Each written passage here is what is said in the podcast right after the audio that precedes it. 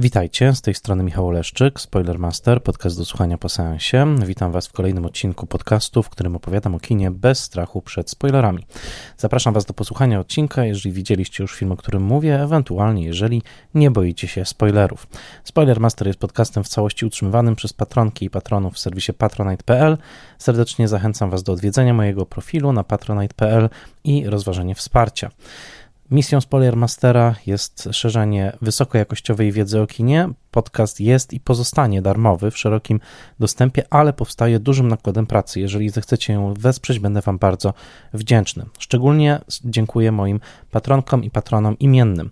Michałowi Hudolińskiemu ze strony Gotam w deszczu, Dianie Dąbrowskiej z Akademii Włoskiego Kina, przedsięwzięcie bardzo Wam polecam, Agnieszce Egeman, Odjemu Hendersonowi, Beacie Hołowni, Annie Jóźwiak, Tomaszowi Kopoczyńskiemu, Justynie Koronkiewicz, Bartkowi Przybyszewskiemu, autorowi bloga Liczne Rany Kłute, na którym przeczytać można o kinie, komiksie, internecie i telewizji, Konradowi Słoce, Mateuszowi Stępniowi, Jerzemu Zawadzkiemu i Tomaszowi Mączce, autorom podcastu Let's Made Movies, prezentującego ciekawe analizy filmowe, blogowi Przygody Scenarzysty, prezentującego analizy scenariuszowe, równie ciekawe, oraz Fundacji Wasowskich, dedykowanej ochronie spuścizny Jerzego Wasowskiego i wydającej książki Grzegorza Wasowskiego. Wszystkim im, a także wszystkim innym patronkom i patronom i wszystkim słuchającym Spoilermastera serdecznie dziękuję.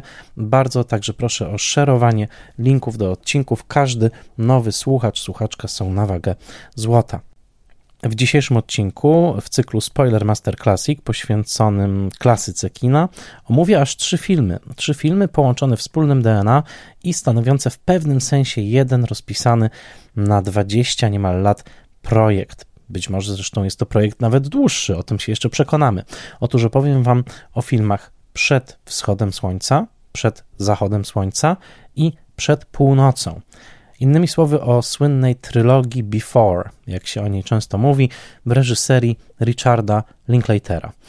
Ta trylogia jest jedną z ulubionych całości, takich właśnie z ulubionych cykli kina arthouse'owego. Nie jest to kino mainstreamowe, ale jest to zdecydowanie kino autorskie i obok takich chociażby trylogii jak Trzy kolory Kieślowskiego często wymienia się właśnie tę trylogię filmów jako bardzo swoiste, bardzo szczególne, bardzo ambitne, a jednocześnie ukochane przez widzów osiągnięcie artystyczne.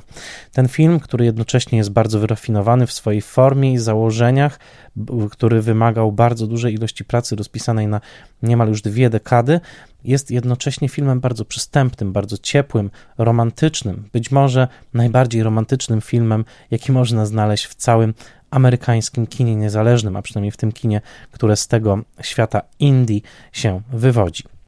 Dzisiaj opowiem Wam o tych filmach, o historii ich powstania, także przybliżę postać samego Richarda Linklatera, który jest jednym z najciekawszych twórców kina amerykańskiego, wywodzących się z ruchu kina niezależnego e, wczesnych lat 90., ale przecież obecnie już jak najbardziej klasykiem. W przygotowaniu do odcinka, jak zawsze, pomogły mi materiały dodatkowe. Tym razem przede wszystkim trzypłytowe wydanie Blu-ray trylogii Before, które wydało Criterion Collection. Bardzo dużo interesujących dodatków, komentarzy. Pozwoliło mi dogłębnie poznać historię powstania tych bardzo niezwykłych filmów, a także bardzo pomogła mi książka Davida T. Johnsona, wydana w serii Contemporary Film Directors pod tytułem Richard Linklater, taki jest tytuł tej książki. Swoją drogą polecam Wam całą tę serię Contemporary Film Directors. Bardzo często w tym cyklu spoilermasterowym Classic przywoływałem serię książek British Film Institute, BFI Film Classics, takich mini monografii poszczególnych filmów. To rzeczywiście jest jedna z bardziej znakomitych i takich także moich ulubionych serii, takich mini książeczek poświęconych pojedynczym filmom i nadal te książeczki polecam, ale muszę powiedzieć, że Contemporary Film Directors, które wychodzi już od dobrych 10 lat i jest wydawane przez Uniwersytet Illinois e, w e, Urbana w Chicago, niedaleko Chicago, to jest seria rewelacyjna. Nie policzyłem dokładnie, ile tych książek jest. Ja mam pewnie około 15, tych książek jest chyba już obecnie około 60 czy 70. To są dłuższe całości, nie są bardzo długie, zawsze się to zamyka w około 200 stronach, ale są poświęcone właśnie, tak jak w tytule, e, współczesnym filmowym reżyserom. Bardzo Wam polecam, bo są tomy, e, które naprawdę podsumowują i bardzo ciekawie wprowadzają konteksty do twórczości reżyserów kina współczesnego. E, takie nazwiska no, na chybił trafił, jak Pedro Almodovar, Edward Young, Claire Denis, bracia Cohen, Abbas Kiarostami, Jim Jarmusch, Manuel, Manuel de Oliveira, Sally Potter, Atom Egoyan, wszyscy się doczekali mm, swoich tomików.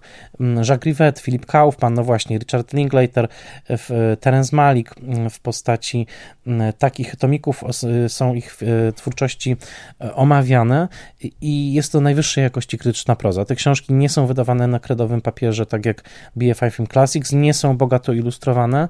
To jest znakomita krytyczna proza i bardzo fajne podsumowania twórczości kluczowych twórców E, kina współczesnego. Ostatnio zacząłem czytać, e, to już dygresja, e, książeczkę poświęconą mm, Lucrecji Martel, jednej z moich ulubionych reżyserek ostatnich lat. No, seria godna polecenia. Contemporary Film Directors. Bardzo serdecznie polecam. A zatem głównie ta książka i wydanie Blu-ray Criterion Collection pomogło mi tym razem także bardzo oczywiście materiały znalezione w internecie na czele z anglojęzyczną Wikipedią, także pomogły mi uporządkować informacje. No dobrze, zanurzmy się w takim razie w tą przedziwną trylogię. Cóż to za, za, za dziwny twór? No w roku 1995 w styczniu na festiwalu Sundance miało premierę mm, film pod tytułem Before Sunrise, Przed wschodem słońca. Film wyreżyserował Richard Linklater, wystąpili w rolach głównych Ethan Hawke i Julie Delpy. I film był małą sensacją tego festiwalu. Oczywiście nikt jeszcze nie spodziewał się, że będą jakiekolwiek sequele, razem zresztą z twórcami. Nikt się tego nie spodziewał, ale film ujął przede wszystkim pewnym romantycznym tonem i ogromną czułością, z jaką sportretował e, spotkanie młodej francuski i młodego Amerykanina w pociągu jadącym w stronę Paryża. E, chłopak i dziewczyna, Jesse i Celine, którzy poznają się, zaczynają rozmawiać, rozmawia im się świetnie.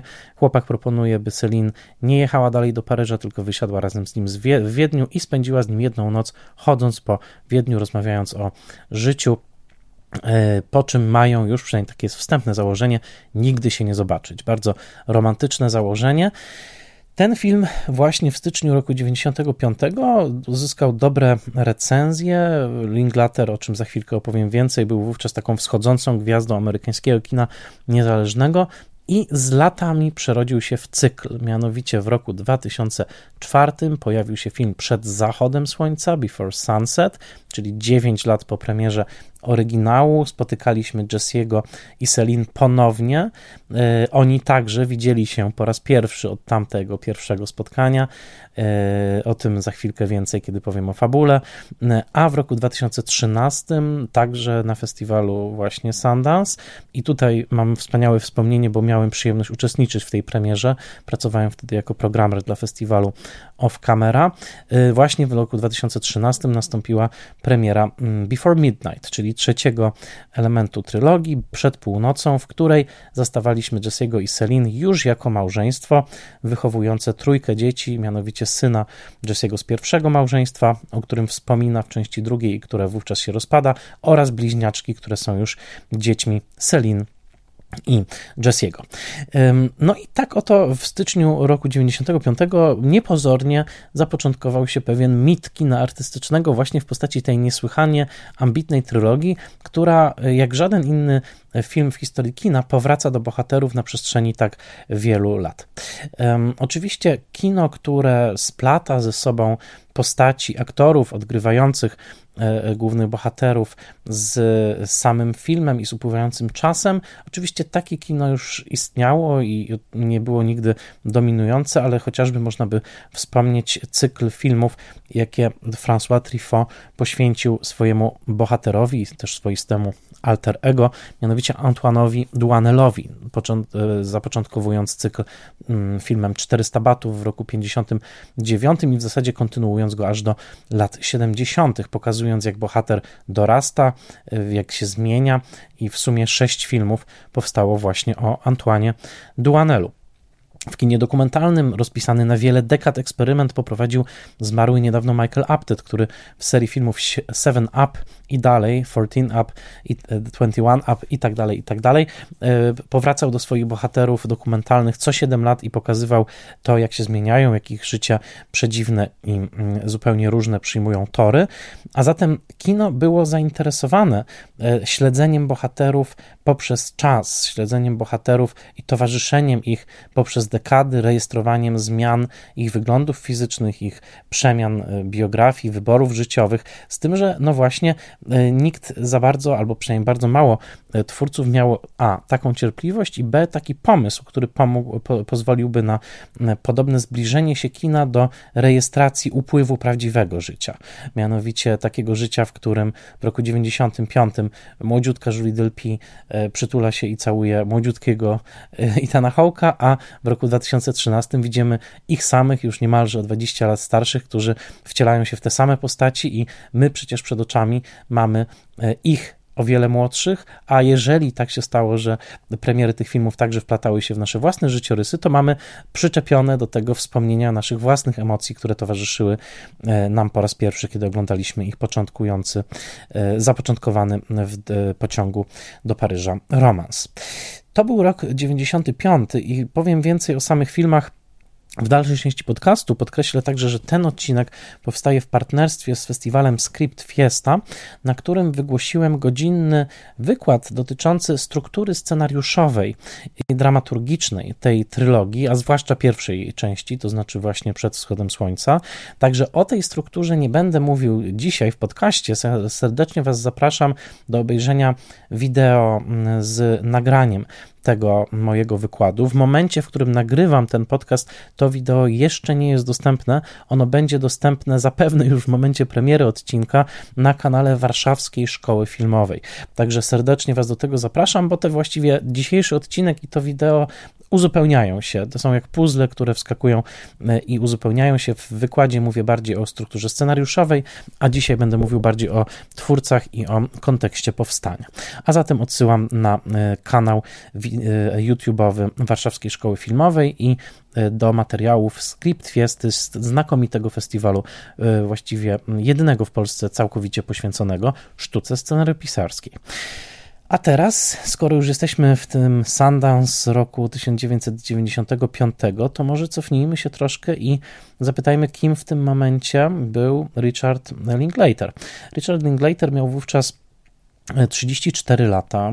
On urodził się w lipcu roku 1960 w Houston w Teksasie i to bardzo ważna informacja, dlatego że Richard Linklater nigdy Teksasu nie opuścił. Oczywiście zdarzało mu się wyjeżdżać do innych miast, krajów, e, projekty zabierały go w różne miejsca, ale nigdy nie przesiedlił się ani do jednej Mekki kulturowo E, literacko-filmowej, czyli do Nowego Jorku, ani do Los Angeles, które e, przecież kusi zazwyczaj filmowców wielkim znakiem Hollywood.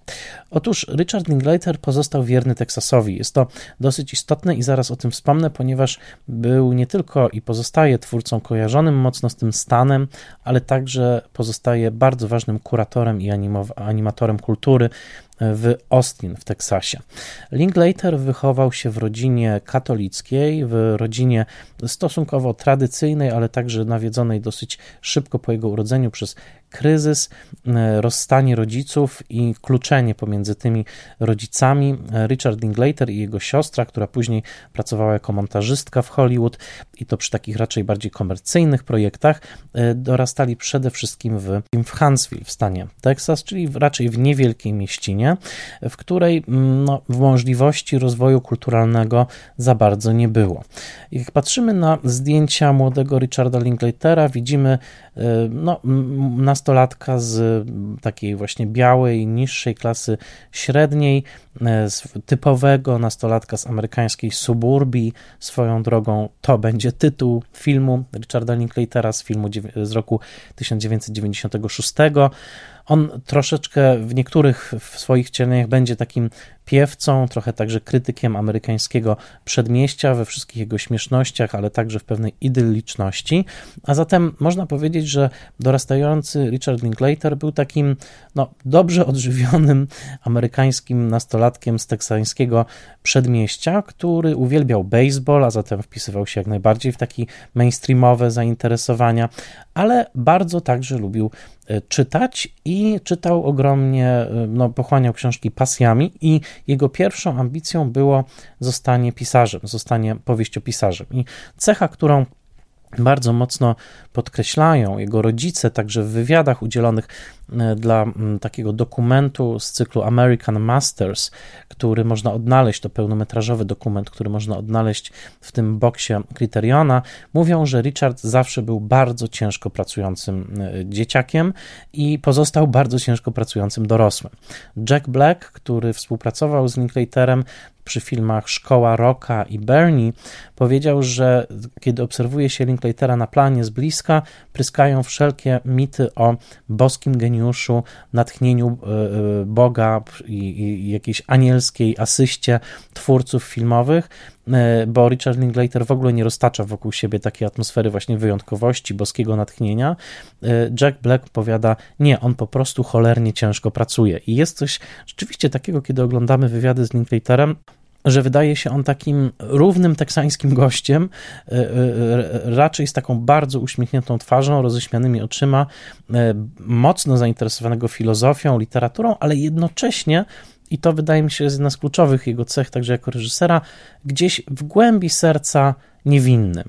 To jest ta cudowna amerykańska niewinność, która w przypadku Linklatera pozwala mu nurzać się w wielu kwestiach filozoficznych, y, takich jak chociażby kwestia czasu, względności postrzegania czasu, fascynacji przemijaniem, także śmiercią, ale w żadnym filmie Linklatera tak naprawdę nie mamy zetknięcia z prawdziwym, głębokim mrokiem. To trzeba by bardzo dobrze przeczesać tę filmografię, żeby dostrzec jakiekolwiek ślady takiego, y, takiego prawdziwego straumatyzowania przez jakieś mroczne, mroczne doznanie. Zazwyczaj gdzieś tam bije serce optymisty, kogoś, kto pragnie przynajmniej powiadać, żeby, że zacytuję jednego z jego bohaterów, powtarzać życiu y, ciągle tak. I to tak roześmiane jest i w spojrzeniach, i w spojrzeniu samego Linklatera, ale także jest obecne w jego filmach, które nawet kiedy zbliżają się do tematów trudnych, takich jak y, śmierć, przemijanie, Mm, skończoność miłości, zdrada, to gdzieś bazowo pozostają optymistyczne i bazowo stoją po stronie afirmacji, a nie negacji. I właśnie ten ciężko pracujący nastolatek, zaczytany w Dostojewskim, który w wieku lat 15-16 pochłaniał także biografię Dostojewskiego i chciał być trochę jak Dostojewski, on faktycznie zanurzył się mocno z jednej strony w świat lektur, z drugiej strony w świat kina, a z trzeciej w świat sportu, dlatego że baseball był mu bardzo, e, bardzo bliski. W pewnym momencie doznał kontuzji, która właściwie zaważyła na jego życiu, ponieważ przerwała jego codzienność praktyk sportowych i mm, wymusiła pewną przerwę. Przerwę, która była niemal w całości wypełniona kolejnymi próbami prozatorskimi, zapisanymi w długich, długich zeszytach, drobnym maczkiem, które Linklater pokazuje w tym dokumentalnym filmie filmie, o którym powiedziałem, oraz oglądaniem e, filmów, pochłanianiem ich w coraz większej e, ilości.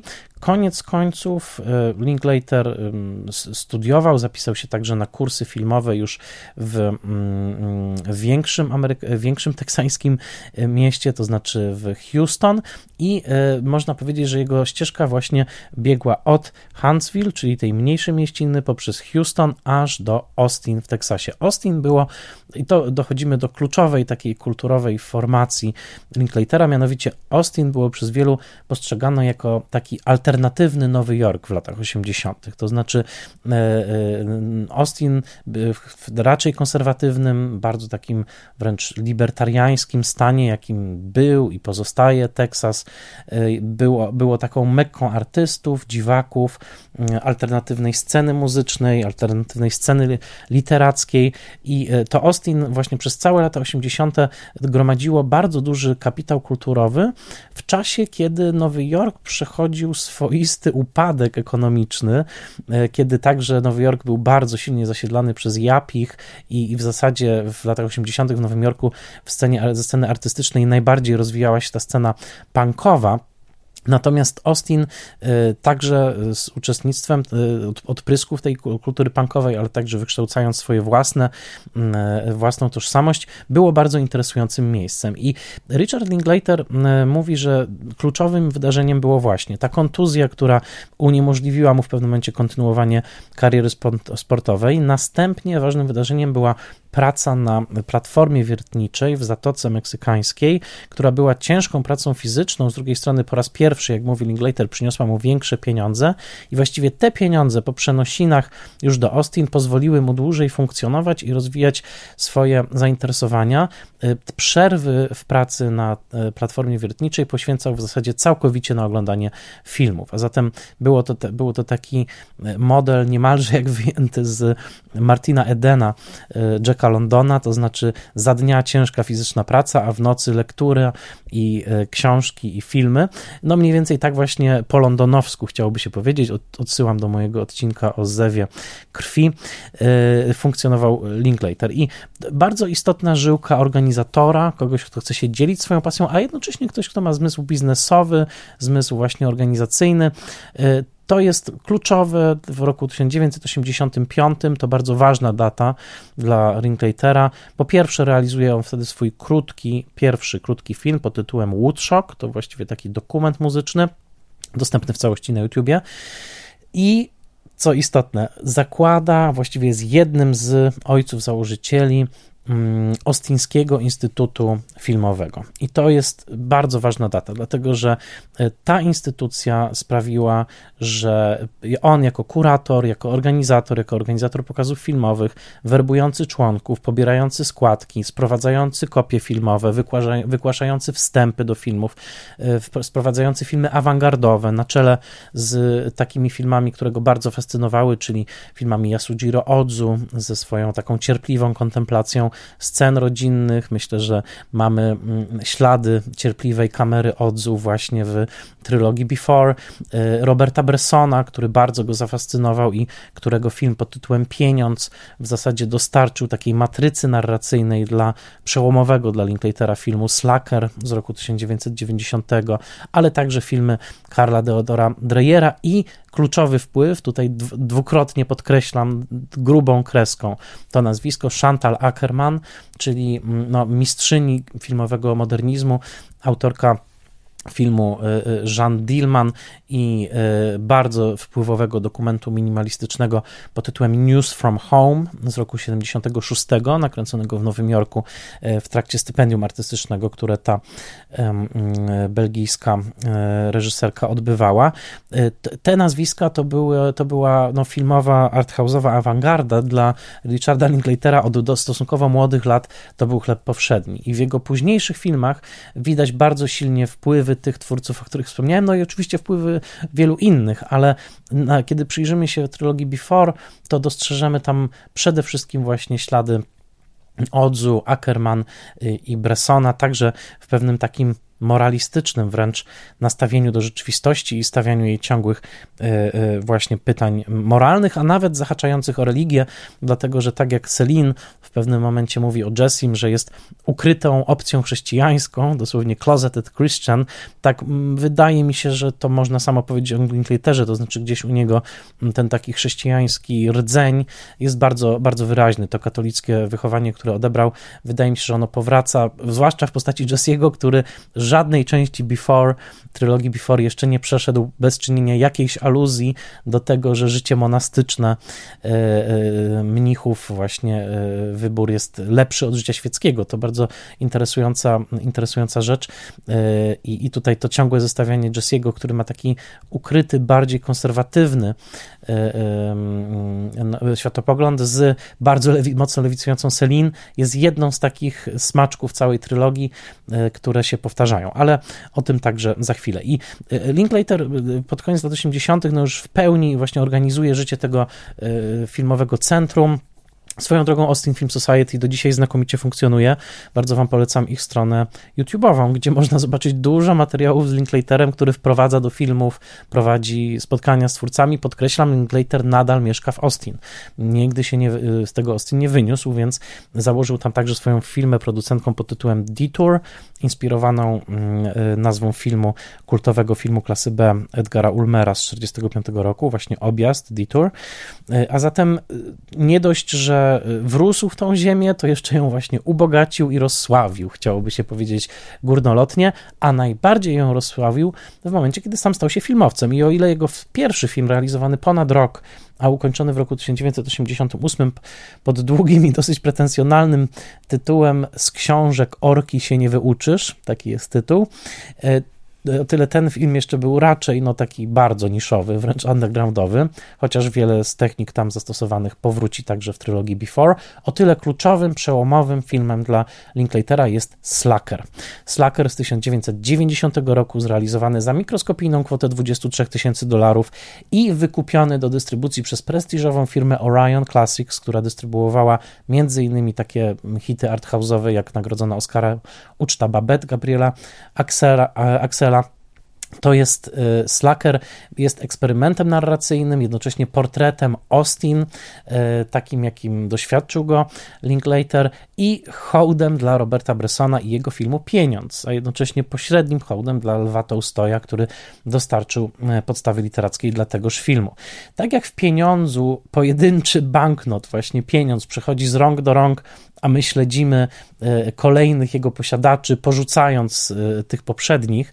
E, innymi słowy, jest to taka sztafeta narracyjna, taki model, który później powtórzy chociażby film 20 Bucks, albo w Polsce właściwie jedyny przykład, jaki mi się kojarzy, to Zero Pawła Borowskiego, czyli jesteśmy z jednym bohaterem, potem uczepiamy się kolejnego i potem uczepiamy się trzeciego i tak tworzymy taką sztafetę. Otóż Slacker jest właśnie takim portretem Austin opowiedzianym poprzez sztafetę sztafetę bohaterów, z których praktycznie chyba 80% to są dziwacy, domorośli autorzy rozmaitych teorii spiskowych, domorośli filozofowie, którzy chodzą po tym skąpanym w skwarze Austin i no, wyrzucają z siebie te rozmaite teorie. Nie ma właściwie żadnej progresji narracyjnej, jest tylko i wyłącznie progresja myśli. Tak jakby jedna myśl zapładniała kolejną osobę i kolejną i kolejną, a my śledzili, a my byśmy śledzili te właśnie kolejne mm, osoby, które no, wyrzucają z siebie jakieś, jakieś filozofie życiowe, bardzo niekompatybilne, często bardzo narcystyczne. To jest coś bardzo bliskiego Linklaterowi. Mówię o tym nie tylko dlatego, żeby przedstawić Wam Slackera, film, który doczekał się bardzo pozytywnego przyjęcia, który okazał się także sukcesem finansowym, oczywiście na miarę kina niezależnego, ale jednak ale także mówię o tym, żebyście zobaczyli, jak często ten model później pojawia się u Linklatera, dlatego że cała trylogia e, Before, jak wiemy, jest filmem mocno gadanym, w którym Jesse i Celine cały czas w zasadzie ze sobą rozmawiają, ale także jego filmy, takie jak chociażby Życie Świadome z roku 2001, w którym notabene też na chwilę pojawiają się Jesse i Celine, to drugie pojawienie się tej pary po, yy, przed wschodem słońca, jeszcze przed przed zachodem słońca.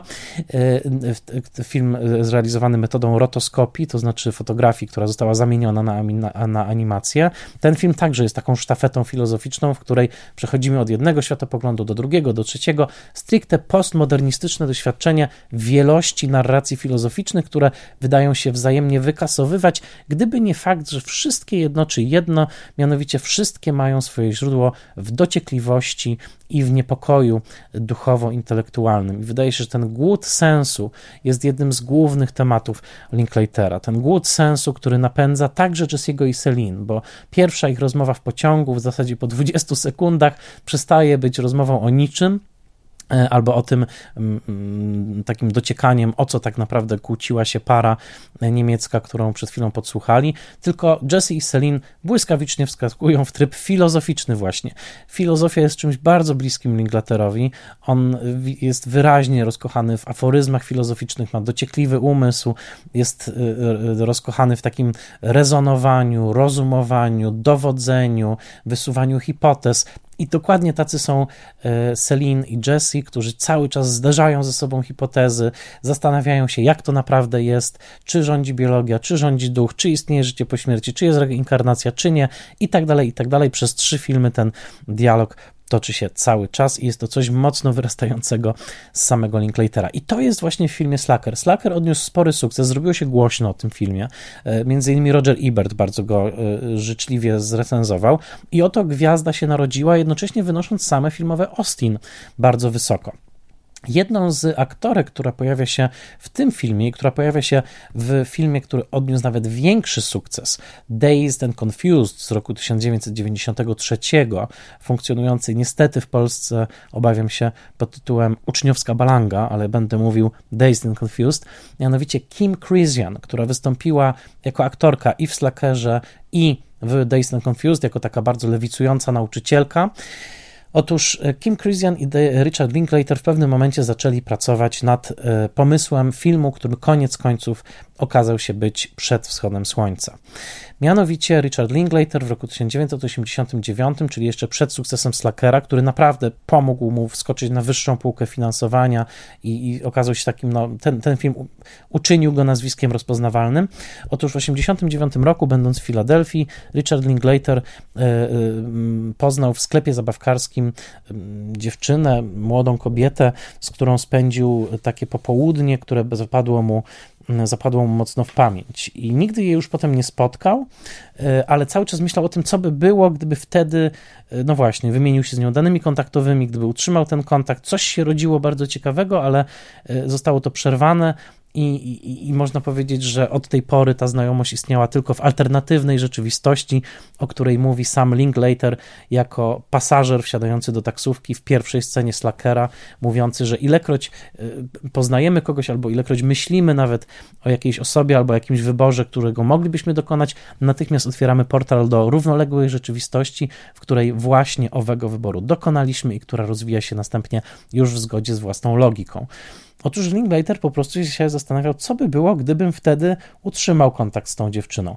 I z tego pomysłu e, przy pomocy Kim Christian, e, Richard Linklater i ona właśnie zbudowali scenariusz wstępny, pierwszą wersję scenariusza przed wschodem słońca, gdzie Jesse i Celine poznają się i właśnie spędzają wspólnie dzień, e, rozmawiając o, o sensie życia, miłości i tak dalej. Kluczowy okazał się casting. Mianowicie ponad 9 miesięcy szukał Richard Linklater aktorów, którzy mogliby wcielić się w te postaci. Znalazł od siebie młodszych o 10 lat mniej więcej Itana Hawka, także Teksańczyka swoją drogą. Richard Linklater pomógł wykreować wiele teksańskich karier aktorskich na, na czele z Matthew McConaughey, który wystąpił w bardzo pamiętnej roli właśnie w uczniowskiej Balandze.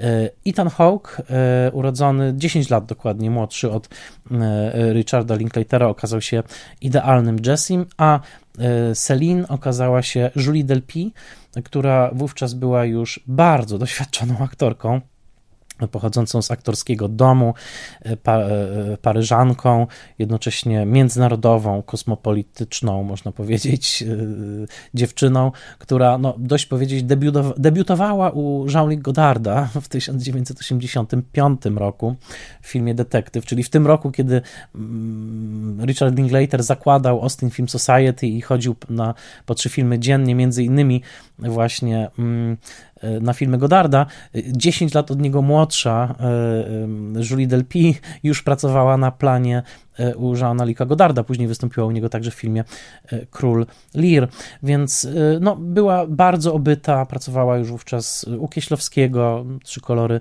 biały, miała ze sobą, miała także współpracę z Schlendorfem, z Agnieszką Holland, bo to rola w Europie, Europie.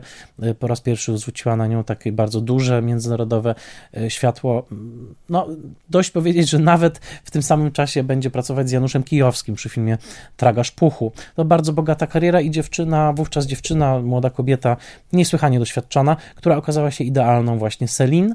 I tak y, oto ten scenariusz Kim Christian i Richarda Linklatera y, dostał się w ręce aktorów, zresztą tak to zainicjował Linklater, którzy w zasadzie całkowicie go przepisali.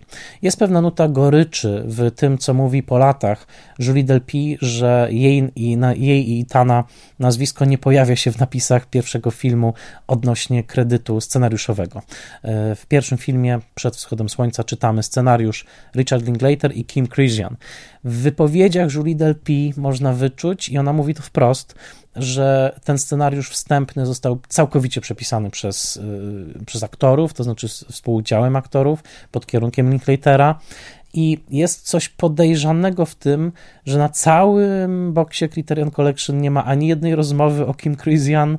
Raz się pojawia o niej wzmianka. W wywiadach Rinklatera znalazłem tylko jedną wypowiedź, gdzie on ją bardzo komplementuje jako właśnie współautorkę, ale ogólnie rzecz biorąc, ona prawie nigdy się nie pojawia, z wyjątkiem napisów oczywiście, i to we wszystkich częściach trylogii, bo w części numer 2 i w części numer 3 pojawia się taki kredyt na podstawie postaci stworzonych przez Richarda Linklatera i Kim Christian, ale to tylko tyle.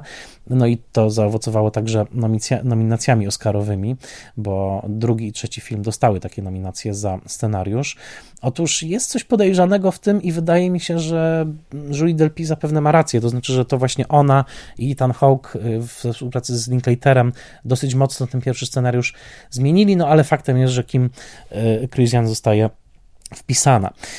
Swoją drogą po latach okazało się, już po śmierci tej osoby, y, Richard Linklater poznał personalia tej dziewczyny, którą poznał w sklepie sabawskarskim w Filadelfii, mianowicie Amy Lerhaupt, tak się nazywała, zginęła w wypadku samochodowym, y, motocyklowym jeszcze przed rokiem 2010, kiedy to właśnie o tym dowiedział się Linklater.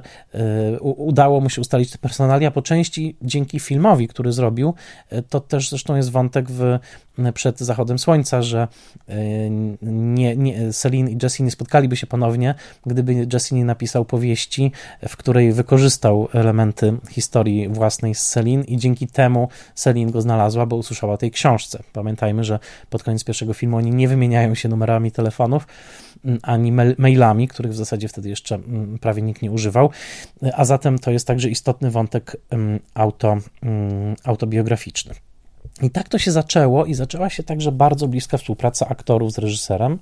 E, oni po prostu wspólnie pisali te scenariusze. Tak jak mówię, film drugi i trzeci wymienia już jako głównych scenarzystów równorzędnie Linklatera, Delpy i Itana Hawka.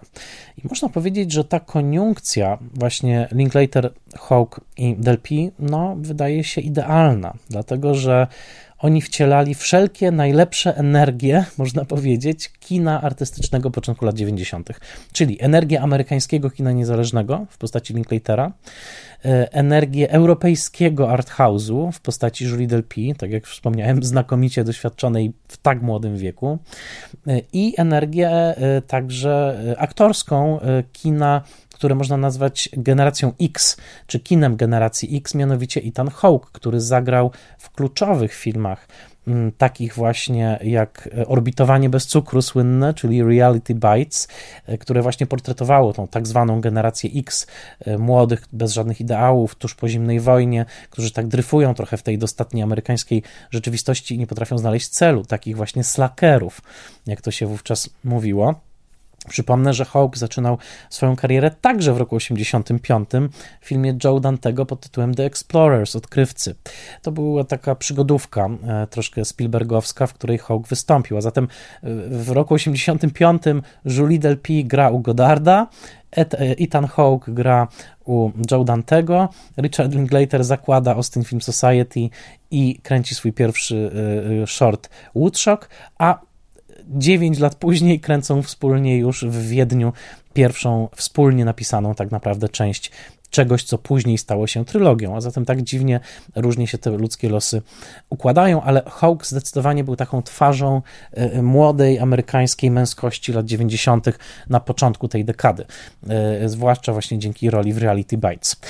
I, i te, te, energie znakomicie się tu spotkały, plus spotkało się bardzo dobre planowanie Richarda Linklatera, który znakomicie zdawał sobie sprawę przede wszystkim z ograniczeń budżetowych, z wymogów budżetowych i który dobrze zrobił, że nakręcił film w Wiedniu. E, bardzo trudno by było nakręcić tego typu film w amerykańskiej metropolii. Tutaj fakt, że film stał się koprodukcją austriacką i skorzystał z pewnych ulg i dofinansowań E, właśnie austriackich sprawił, że po prostu no, mniej kosztował i mógł być nakręcony w takim kształcie, jak wygląda. I rzeczywiście Wiedeń, jakkolwiek pocztówkowy w tym filmie, e, prezentuje się bardzo, bardzo pięknie. Linklater był bardzo dobrym biznesmenem, także jako prowadzący właśnie Austin Film Society. Między innymi dzięki przyjaźni z Quentinem Tarantino zapewnił teksańską premierę właśnie Pulp Fiction w roku 94, e, e, która przyniosła bardzo duże zyski Austin Film Society i pomogła rozwinąć także program stypendialny dla młodych twórców, z którego koniec końców skorzystali między innymi tacy twórcy jak David Lowery, twórca Ghost Story. A zatem Zatem mamy postać Linklatera jako scenarzysty, reżysera, ale także takiego animatora i bardzo inteligentnego, filozoficznie nastawionego twórcę. I teraz skoro mamy to tło przygotowane i wiemy, jak, jak doszło do tego, że ci ludzie się spotkali i z jaką energią wchodził na plan no, wówczas 34-letni twórca Linklater, który miał już za sobą ten pierwszy duży sukces w postaci Slackera, no to możemy zacząć rozumieć lepiej te, te soki, te, te energie, które krążą w tym filmie, bo z jednej strony, no właśnie, Linklater z wyraźną atencją w tym filmie przed wschodem słońca podchodzi do Europy jako takiej. Julie Delpy troszkę wciela tę Europę, Europę, chciałoby się powiedzieć. No, gwiazda Kieślowskiego, tak, gwiazda mm, trzech kolorów białego. Z drugiej strony jest ta wyraźna amerykańskość, bo Linklater zdecydowanie identyfikuje się mocno z postacią e, Jesse'ego i to tutaj jest silnie, bardzo silnie e, zaznaczone. E, więc mamy spotkanie Ameryki z Europą w języku angielskim, więc troszeczkę na, na prawach Ameryki chciałoby się powiedzieć. I, I ta atencja dla Europy chwilami w tym filmie jest wręcz rozczulająca, zwłaszcza dla Europejczyka, bo Linklater jest po prostu zakochany w fakcie, że można przechadzać się nocą nad Dunajem i zajść do małej kawiarenki, gdzie dwójka brodatych dżentelmenów dyskutuje z pasją o Egonie Schiele jest w nim coś właśnie taki delikatnie naiwny zachwyt Amerykanina tą Europą, w której wciąż e, e, toczy się takie długie, e, długie intelektualne rozmowy. No i Linklater niejako przeszczepia ten etos właśnie w samo sedno, w sam środek kina amerykańskiego. Więc to, tak jak powiedziałbym, jest urocze, a jeśli do tego dołożymy fakt, że właśnie Julie Delpy wchodzi z tą całą takim rodowodem artystycznym właśnie, że ona też po części jest kojarzona z Godardem, po części z Kieślowskim, a jeśli jeszcze do tego dodać, że Ethan Hawke w którejś tam linii jest e, kuzynem Tennessee'ego Williamsa, czyli najwybitniejszego dramaturga amerykańskiego, twórcy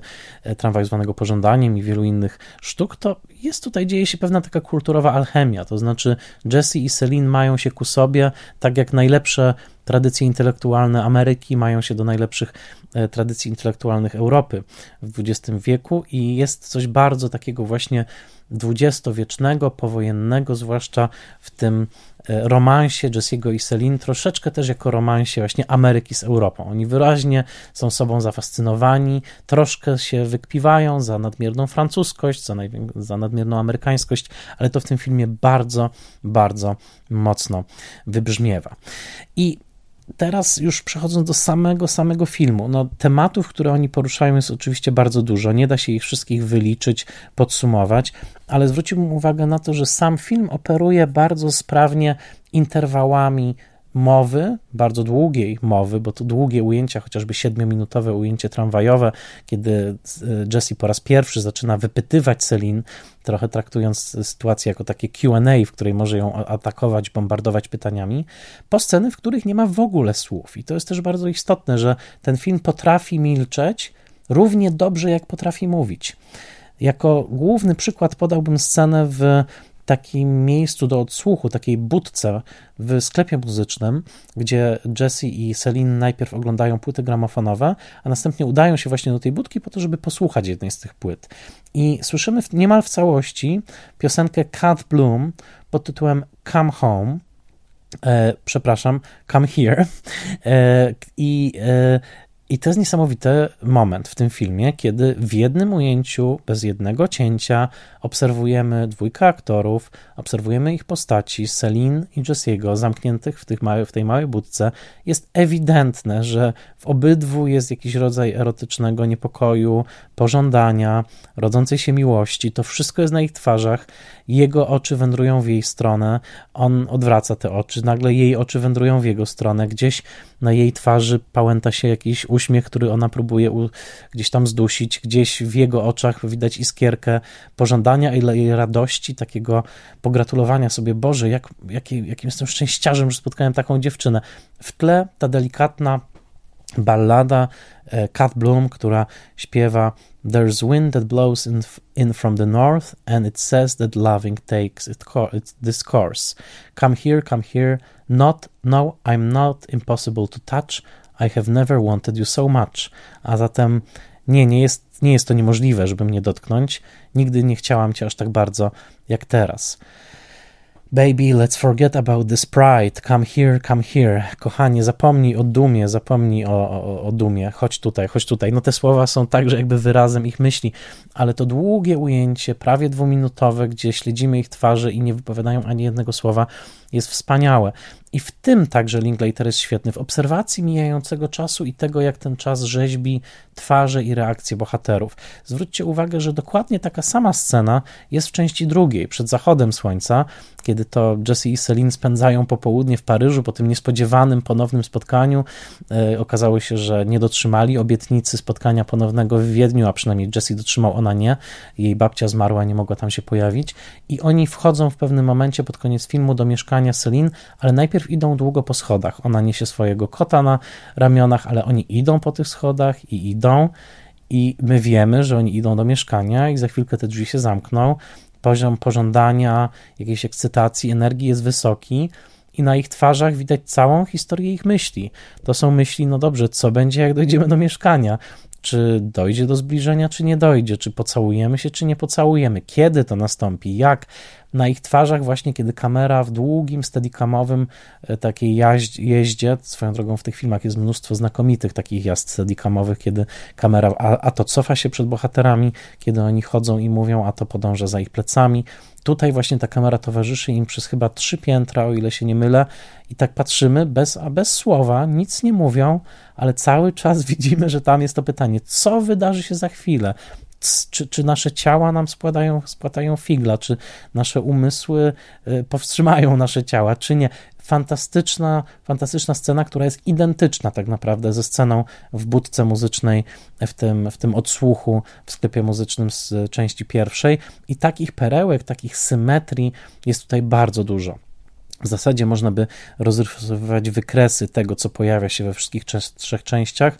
Powstało licz wiele esejów e, wizualnych, które pokazują te podobieństwa, na przykład Celine robi herbatę Jessiemu w bardzo taki przyjazny sposób w części drugiej, e, parzy herbatę w hotelu bardzo gniewnie w części trzeciej, e, słowa wypowiadane w poszczególnych częściach powtarzają się, książki, które oni czytają nie są przypadkowe, dlatego że już w pierwszej scenie pierwszego filmu Jesse czyta książkę pod tytułem All I Need Is Love, wszystko czego potrzebuje to miłość, autobiografię Klausa Kińskiego, sugerującą jakąś taką ogromną potrzebę uczuć, a ona czyta książkę o śmierci Georgesa Bataja, a zatem tych tropów i symetrii jest tutaj bardzo, bardzo dużo. Najczęściej pojawiającym tematem jest właśnie śmierć, cmentarz, obawa przed śmiercią miłości, przed tym, że miłość się skończy i że trzeba się będzie rozstać.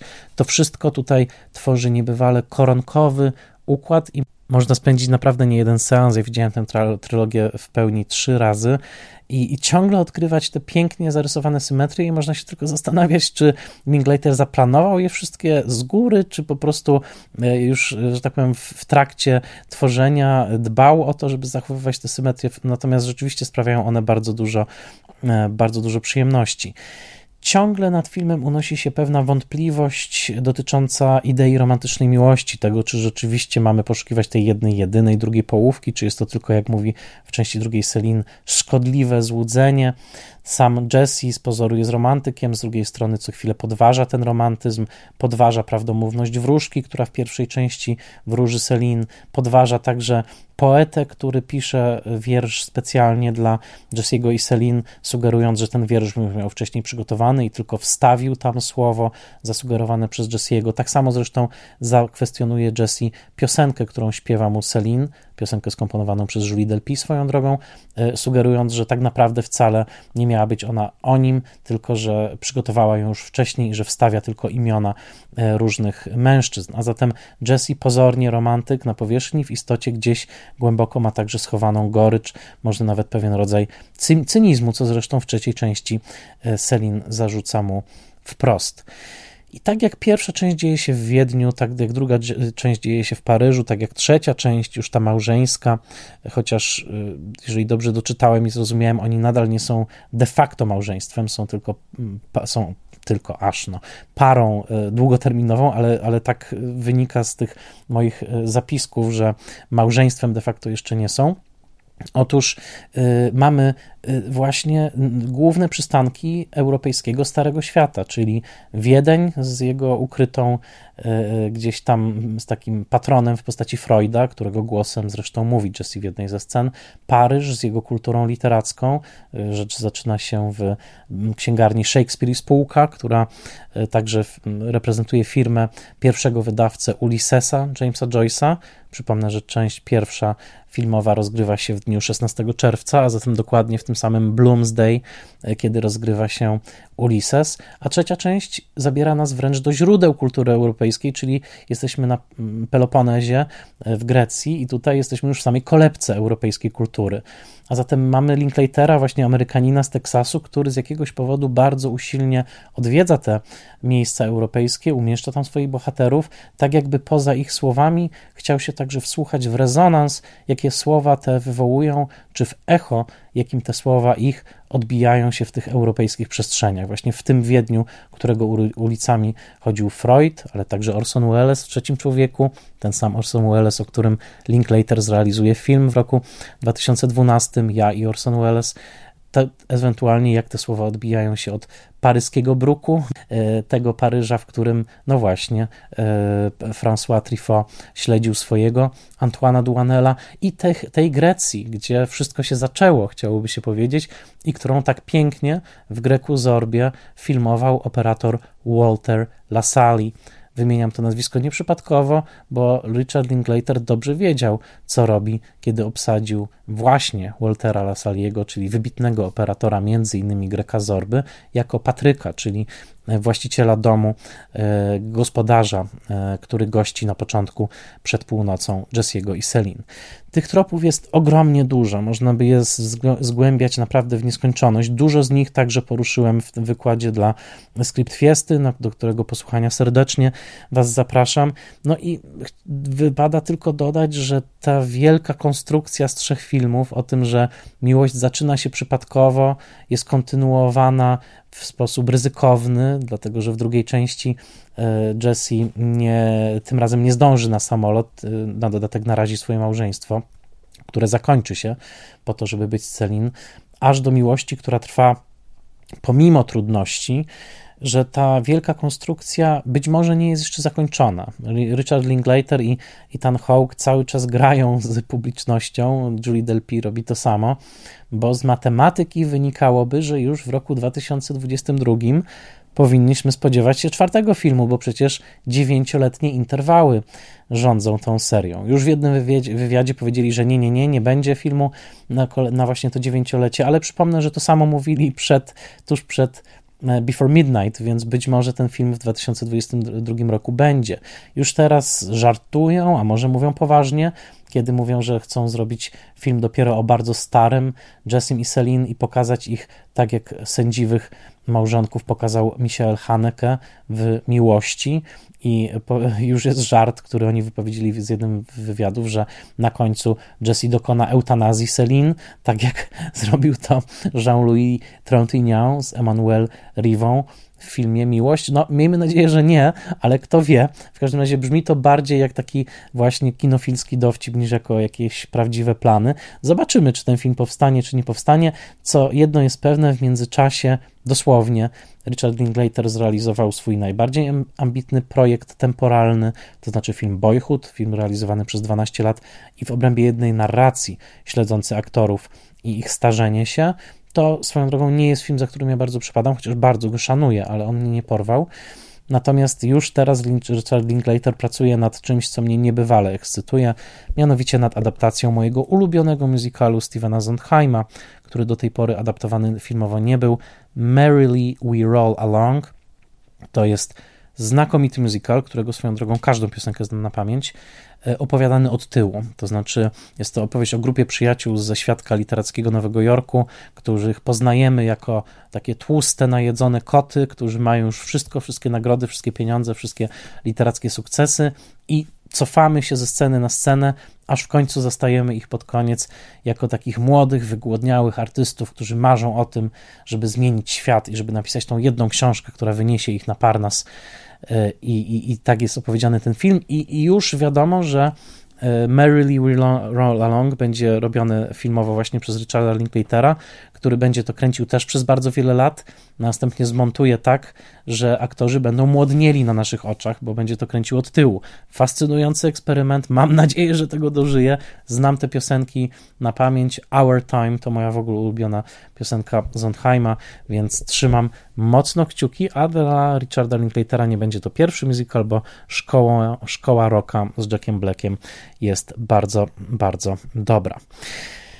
Mm, a zatem właśnie mamy trzy filmy, które rozmawiają ze sobą, trzy filmy, które wydają się rosnąć na naszych oczach, do których możemy okresowo wracać i za każdym razem dokonywać przedziwne, tych przedziwnych obliczeń. Ile to już lat minęło od pierwszej części? W jakich okolicznościach widziałem część pierwszą, drugą i trzecią? Czy to możliwe, że to już niemal dekada od przed północą, który jest przecież najnowszym, takim świeżutkim filmem w tej serii? Richard Linklater uśmiechnąłby się na to, powiedziałby, że no właśnie, czas robi takie sztuczki z nami i czas jako taki jest jego największą fascynacją. Przypomnę, że ostatnią piosenką, którą słyszymy przed napisami końcowymi filmu Przed zachodem słońca jest Just in Time, śpiewane przez Nina Simon. W sam raz, w sam czas utrafiłeś właściwy czas. To jest to marzenie afirmacji każdej teraźniejszej chwili, którą wypowiada w pewnym momencie, wypowiada to marzenie Jesse. I chciałoby się powiedzieć po obejrzeniu tej trylogii, chwytajmy każdy moment, bo nigdy nie wiemy i nie orientujemy się sami, jak szybko przed nami kolejny kamień milowy, kolejny przystanek, kolejny film serii Before. I to mówię zarówno o filmie Linklatera i jego cyklu, jak i o takim filmie naszego życia. Jak szybko orientujemy się, że oto stuknęła nam kolejna dekada. Troszeczkę o tym są te filmy i troszeczkę o tym są te filmowe twarze Julie Delpy i Etana Hawke'a, kiedy, zwłaszcza kiedy oglądamy je w bliskim zestawieniu, jeden film po drugim i przypominamy sobie okoliczności oglądania tych filmów po raz pierwszy. Mam nadzieję, że ta historia Was zainteresowała, że zainspiruje Was do powrotu do tych filmów, być może nawet do okresowych powrotów. Zawsze dobrze skonfrontować się z Jesse i Celine i troszkę także zastanawiać się, jaki będzie kolejny krok na ich drodze, czym jeszcze zaskoczy nasz Richard Linklater. Bardzo dziękuję Wam za uwagę w tym odcinku. Mam nadzieję, że odcinek Wam się podobał i że przywołał także wspomnienia oglądania trylogii Before. Zdradzę, że jeszcze w tym roku poświęcę Linklaterowi jeszcze jeden odcinek, a zatem nie poruszyłem dzisiaj wszystkich wątków. Nie zdradzę też jeszcze, o którym to filmie będzie, ale zwrócimy i do filmowego Austin, i do filozofii Richarda Linklatera, i do jednego filmu jego, który jest mi bardzo, bardzo bliski, ale który to film, to jeszcze zdradzę. Bardzo Wam dziękuję za słuchanie. Zachęcam do wspierania podcastu na Patronite. Wiąże się to także z bonusami, z newsletterem, z przynależnością do grupy, ze specjalnymi webinarami comiesięcznymi. Jest tego dużo. Zajrzyjcie na patronite.pl spoilermaster. Serdecznie dziękuję Wam za słuchanie i do usłyszenia już za tydzień.